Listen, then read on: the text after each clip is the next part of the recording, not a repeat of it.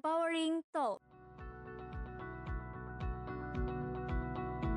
Halo teman-teman, Selamat datang di e-Talk. Empowering Talk. Ini adalah podcastnya KKN Universitas Muhammadiyah Yogyakarta.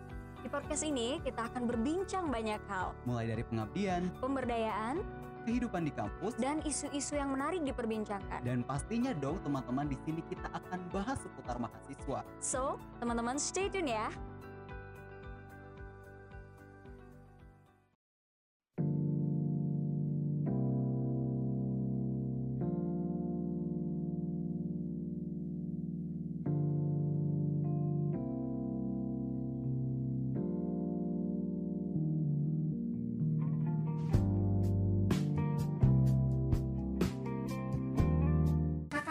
Universitas Muhammadiyah Yogyakarta ini pada tahun ini akan melaksanakan KKN online.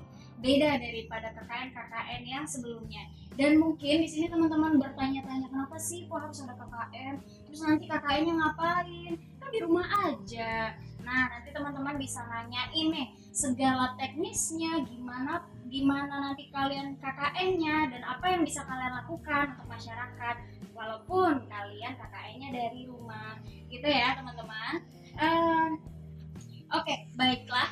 Malam ini wes malam ini saya langsung ditemani oleh Pak Ari Selamat mungkin teman-teman semuanya sudah nggak asing lagi sama sosok beliau yang satu ini ya karena udah ada di mana-mana. Di YouTube di Instagram mungkin di mana-mana di platform apa pun beliau ini udah ada. Bapak Dr. Ari Selamat ya selamat datang Pak di itu Selamat datang Mbak Ovi. Oke, sebelum Panggilannya Mbak Ovi apa Mbak Novi? Mbak Novia. Oh Novi ya.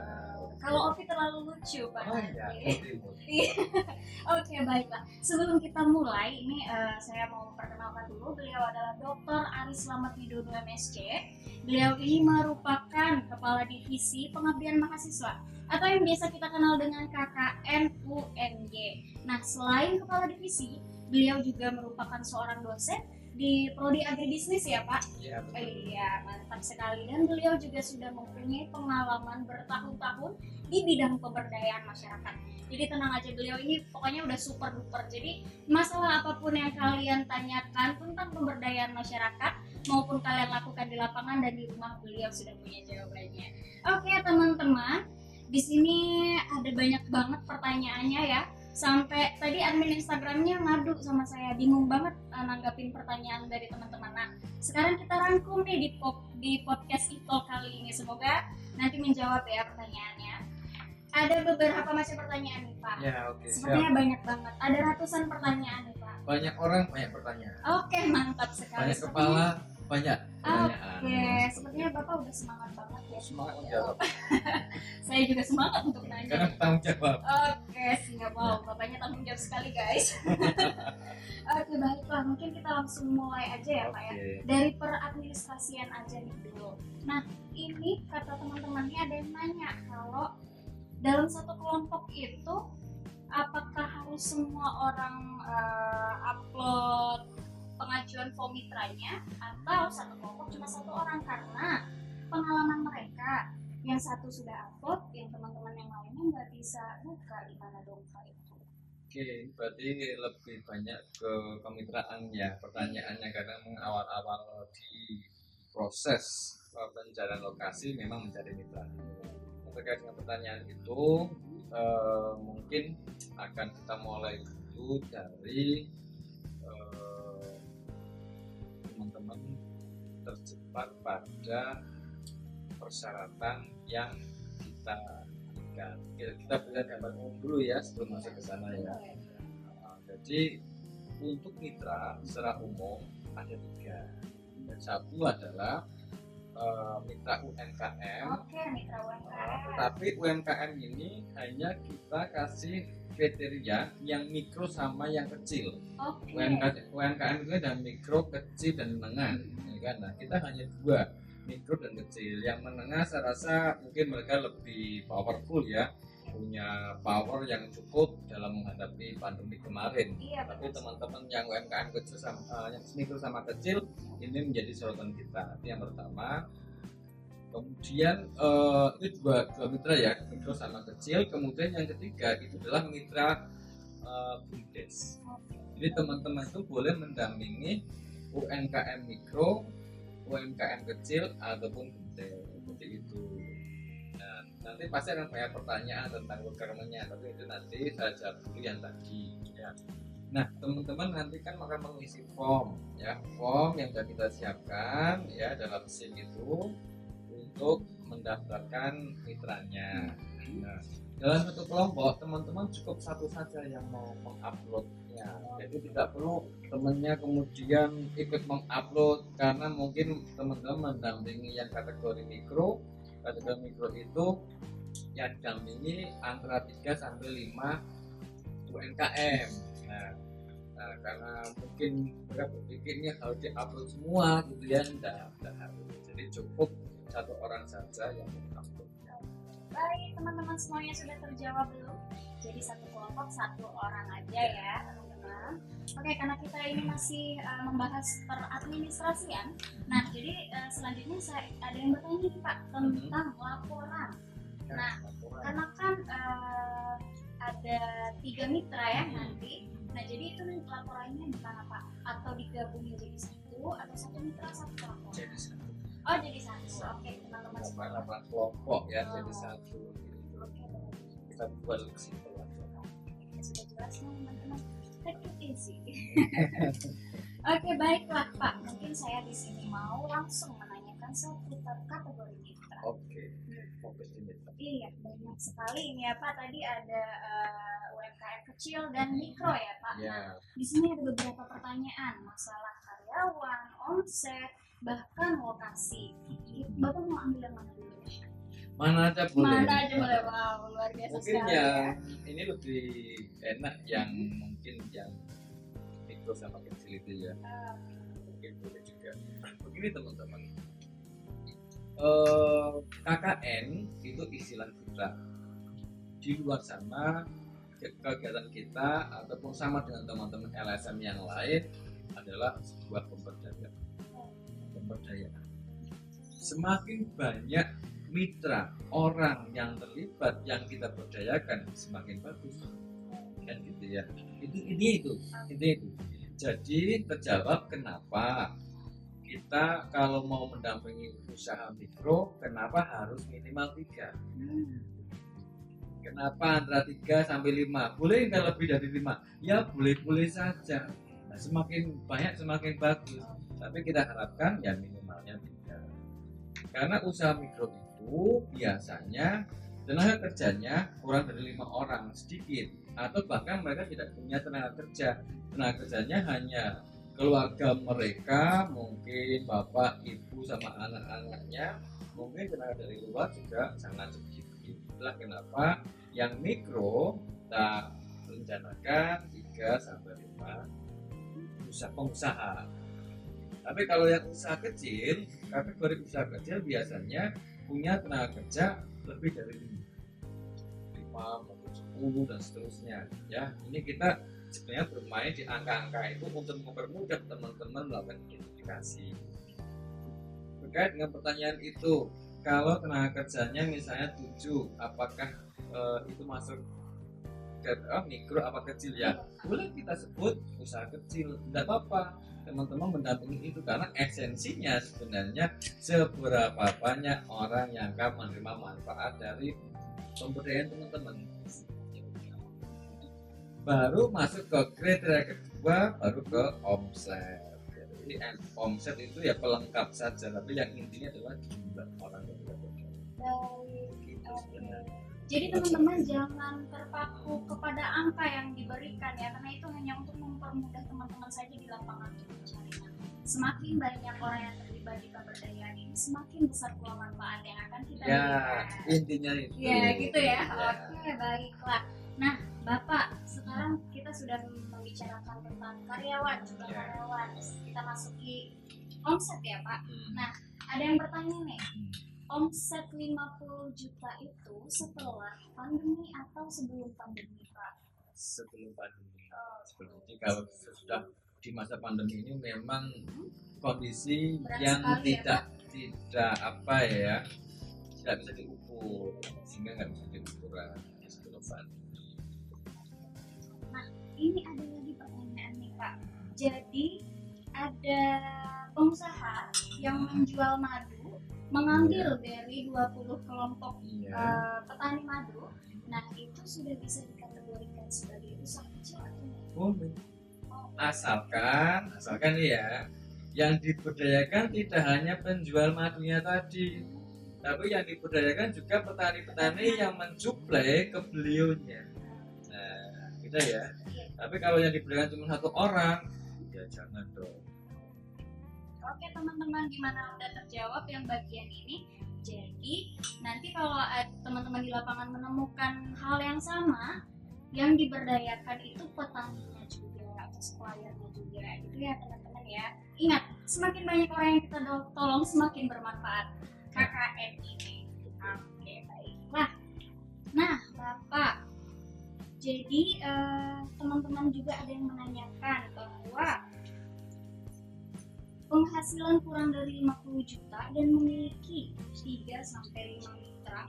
Nah, itu nanti eh, tenaga tenaga kerja pada UMKM-nya yang kami dapat berjumlah 10 orang. Namun, usaha mikro yang dikriteriakan oleh LP3M, tenaga kerjanya kurang dari 5 orang. Apakah masih kriteria Sepertinya pertanyaannya masalah jumlah karyawan ya, Pak? Iya, ini teman-teman masih bersepakat pada jumlah ya. Iya. tapi ya nggak apa-apa memang eh, jumlah itu setelah kita melakukan cross check ke beberapa standar ya dari kementerian dari beberapa lembaga-lembaga terkait identifikasi mereka untuk membedakan antara mikro kecil dan menengah ya. jadi nggak masalah teman-teman ada usaha yang mungkin omsetnya kurang dari 50 harusnya masuk mikro. Harusnya ya setelah omset masuk mikro. Tetapi yang diberdayakan kok banyak orangnya. Nggak apa-apa kita anggap itu usaha kecil. Karena teman-teman menggunakan effort usaha yang cukup besar untuk memberdayakan orang-orang itu. Sehingga nggak perlu lagi ditambahi dengan pengusaha yang cukup Baiklah, eh, mungkin eh, untuk jumlah karyawan teman-teman sudah eh, mengerti ya teman-teman. Jangan terpaku pada angka yang sudah ditetapkan oleh pihak LP3M seperti itu. Nah, mungkin kita langsung aja ini ke pertanyaan. Eh, ada pengusaha itu UMKM di bawah naungan koperasi dengan omset kurang dari 50 juta per bulan itu dapat dikatakan UMKM kecil karena mereka di bawah koperasi. UMKM di bawah naungan koperasi. Yang kalau yang kita berdayakan adalah UMKM-nya, tentu saja maka dia masuk kategori itu. Karena dia omset dia dari omsetnya kurang dari 50. Tetapi dari informasinya kan dia tidak menyebutkan berapa jumlah tenaga. Kalau untuk UMKM-nya itu memang isi rumah tangga, kemudian omset kurang dari 50, maka itu masuk kategori itu. Sehingga teman-teman harus mencari lagi usaha-usaha yang lain minimal tiga omset. Oke baik, kalau seandainya di lapangan teman-teman menemukan eh, UMKM di bawah naungan koperasi dan omsetnya kurang dari 50 juta tapi karyawannya lebih dari 5 itu gimana Pak? Atau lebih dari 10 itu gimana? Kategori bisa kita masuk kategori kecil, ya. Jadi eh, jadi saringan pertama adalah kita pada jumlah jumlah tenaga kerja atau orang yang diberdayakan. Baru saringan kedua masuk ke omsetnya. Nah, gitu. Karena eh, kita lebih pada fokus pemanfaatan dari pemberdayaan. Jadi tidak fokus pada omset itu hanya memberikan dukungan saja. Ya, gitu. Berarti kalau eh, karyawannya kurang dari 5 dan omsetnya dari 50 juta berarti satu kelompok ini harus mencari tiga Iya. setidaknya ya ya? tiga Minimal tiga tiga. sebanyak banyaknya satu kampung juga boleh Oke mantap ya teman-teman. Pokoknya teman-teman iya contohnya itu kan di oh, di Bantul ya di Sandang itu banyak sekali industri rumah tangga kampung ya itu itu satu kampung bisa mungkin ada lima enam gitu karena itu pemberdayaan satu kampung Satu gitu kan ya, oh, oh, gitu kan. Dan biasanya satu kampung juga ngumpul gitu iya aja. jadi effortnya insya Allah akan sama Oke, terima kasih Pak Aris. Nah, ini karena ini sudah mungkin teman-teman juga udah jelas ya teman-teman kalau seandainya karyawannya kurang dari 5 dan omsetnya kurang dari 50 juta berarti teman-teman harus mencari tiga mitra setidaknya tapi kalau karyawannya lebih dari 5 atau lebih dari 10 dan omsetnya lebih dari 50 juta bahkan ratusan juta nah itu satu aja gitu ya pak Iya. Oke, baik. Jadi teman-teman jangan terpaku ya teman-teman pada jumlah yang sudah ditetapkan oleh LP3M. Gimana teman-teman? Udah jelas belum? Nanti kalau belum jelas komen lagi ya. Nanti kita podcast lagi di episode kedua. Baik, terima kasih Pak. Dan ini ada lagi nih pertanyaan seputar daerah. Ah, daerah. Ya. Nah, bagaimana misalkan UMKM yang berbentuk mikro yang minimal 3 UMKM Iya. tapi UMKM-nya terletak di beda daerah itu boleh apa enggak ya? Saya kasihan. Kasihan yang melakukan pemberdayaan. Iya. Kalau seandainya yang melakukan bisa. wow. Wow, wow. Eh, tolong diusahakan kalau eh, lebih dari karena mikro ya lebih dari satu, usahakan memiliki kesamaan, Ah, memiliki kecenderungan kesamaan, gitu. Misalnya usaha tahu, usaha tempe, atau mungkin industri kerajinan yang memiliki kesamaan, sehingga pola pemberdayaan nanti hampir sama. Yang diberikan sama ya. Benar gitu. Paketnya nanti sama. Kalau itu pertama. Yang kedua usahakan dalam satu wilayah ya. Kalau beda-beda kayak gitu nanti sama saja teman-teman nanti effortnya akan repot sekali gitu ya. Eh, nanti malah tidak efektif dan juga tidak efisien tentu saja.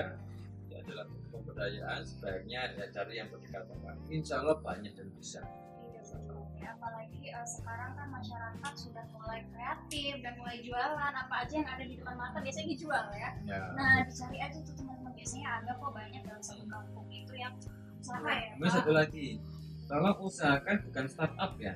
Oh, bukan di garis bawahi Ya, bukan startup. Jadi kita tuh pemberdayaan usaha yang memang sudah berjalan. Hmm. Ya, eh, nanti startup nanti beda lagi programnya. Ya, Bakalan program. ada lagi nih Ah. Mungkin nanti di entrepreneurship ya, teman-teman PKM dan sebagainya ya. Kalau kita lebih pada UMKM yang sudah berjalan. Oke baik teman-teman jadi bukan startup ya teman-teman dan untuk yang beda daerah atau beda domisili yang kalian tempat tinggali mohon diusahakan lagi dicari lagi pasti ada kok. Tapi kalau mentok-mentoknya nggak ada ya teman-teman cari ke UMKM yang senada gitu loh jualannya tahu tahu tempe tempe gitu kerajinan kerajinan gitu. ya pak ya Yes. oke baiklah nah Ya, Apalagi, apa lagi? Saya teringat ya eh usahakan usaha-usaha yang end user. Jadi dia itu bersentuhan dengan eh konsumen. pembelinya langsung Iya, ya, Pak. kan ada usaha yang dia sebagai supplier industri dan ada ya misalnya maaf nih ada yang menjual misalnya bahan galian batu misalnya atau diukir dia kirim ke daerah-daerah yang banyak wisatawannya. Misalnya ada pengukir dan sebagainya. Nah ini ini enggak enggak seperti itu. Banyak Nggak ini ya salurannya ya pak. Iya, jadinya langsung nih. Jadi Jadi, menjual langsung ketemu pembeli. Lo ketemu gue. Ya mungkin nanti saya pakainya dari pemberdayaan untuk marketingnya ya kan ke marketplace dan sebagainya oke baik ya teman-teman. Nah jadi eh, jenis usahanya itu yang langsung ke pembeli gitu atau langsung ke customer. Jangan yang banyak rantainya gitu ya teman-teman. Baiklah ini ada pertanyaan lagi pak. Jadi kalau ada UMKM yang omsetnya waktu pas kondisi normal nih sampai 500 juta. Wow. Terus sekarang 100 juta. Nah, ini apakah perlu diberdayakan atau enggak? 500 itu 500 itu kan eh, seharusnya jangan melebihi dari 300 ya. Tapi nggak masalah kalau dia mau dimasukkan ke itu nggak masalah. Hanya dilihat dulu berapa jumlah kerjanya kemudian dilihat dari pangsa-pasarnya ya kalau pangsa-pasarnya memang sudah masuk ke internasional dan sebagainya kita bermain dari yang lokal regional regional untuk dinasionalkan Nah, gitu. Jadi usaha-usaha yang ketika usaha itu diberikan sentuhan teknologi, dia loncat. Nah, diberikan inovasi, dia loncat. Nah, seperti ini. Tapi nanti nanti kalau usaha-usaha yang udah jalan usaha yang dulu pernah leading udah ekspor dan sebagainya mungkin ya teman-teman bukannya nanti pemberdayaan saya malah makan Malah makan, ya. udah lagi nanti programnya Iya baiklah. Pokoknya intinya yang kita lakukan itu berdampak ya Pak. Iya. Nah, bisa menambah pembeli atau bisa menaikkan tingkat jualan para UMKM yang akan kita Iya. berdayakan seperti itu ya Pak. Oke, terima kasih Bapak. Nah, selanjutnya ini Pak kita sepertinya sudah selesai ya Pak di kategori mitra. Karena ini pertanyaannya hanya pada jumlah karyawan, Ya. omset atau jumlah mitra. Jadi teman-teman nggak usah terpaku dan yang penting kalau kurang dari lima karyawan dan omsetnya kurang dari 50 juta itu teman-teman harus mencari tiga mitra, oke? Yes. Nah, dan semakin banyak yang terlibat, semakin bermanfaat pula pemberdayaan. Jadi jangan takut ada 50 orang Baik, selanjutnya kita masuk ke kategori proker dulu nih. Ya. Nah, apakah proker program kerja utama? Proker itu program kerja ya guys. Jadi eh, proker utama ini sudah ditetapkan oleh pihak LT3M atau teman-teman ngulik sendiri? Ngulik sendiri jadi teman-teman di dalam proses pembukaan KKN kemarin itu kan teman-teman sudah dibekali dengan observasi 5 satu h kemudian konsep mendengar dan bertanya ya kan? Kemudian ada konsep eh, grow ya. Semua eh, metode-metode itu digunakan agar teman-teman mampu mengulik sendiri observasi need assessment sehingga tiap-tiap UMKM ataupun BUMDes pasti memiliki masalahnya sendiri. Mereka juga memiliki potensinya sendiri. Nah, program kerja adalah menyelesaikan masalah yang ditemukan dengan potensi yang ditemukan Itu gitu. Baik. Jadi tuh nanti mereka mengangkat temanya dari tema yang benar-benar ya mereka mau bawa ya Pak Iya. ya? bisa di sisi produksinya, di supply chain, ada di desain packaging, inovasi, teknologi untuk efisiensi karena mungkin tidak tidak mampu bersaing di harga, harus ada teknologi untuk menambah kuin- kuantitas produksi, kontinuitas, Oke. ya, masuk ke pasar, ya, desain produk, ya, banyak banget ya sebenarnya Pak. Jadi eh, teman-teman memang sekarang disuruh mikir sendiri ya. kalian harus temukan eh, tema KKN teman-teman karena kan kalian juga udah banyak ikutin pembekalan ya Pak ya. Nah itu digunakan sekarang saatnya teman-teman menggunakan hasil dari pembekalannya. Nah gitu ya. Oke baiklah. Eh, kalau dana dana terakhiran aja ya Pak ya. Ya. Sensitif. Iya, agak sensitif sedikit ini ya. Nah, kita masuk eh, memasuki pertanyaan seputar kategori kerja sama dinas nih Pak. Nah, jadi eh, untuk proses validasi, misalnya tidak divalidasi oleh pihak LP3M, apakah surat keterangan dari dinas untuk membantu di sebuah UMKM yang ditunjukkan oleh dinas nantinya bisa mempengaruhi hasil dari LP3M? Wow. Wow, sebenarnya kita pasti. Wow, sudah menemukan strategi. Ya, teman-teman, eh, kita punya tim. Jadi yang melakukan validasi bukan saya.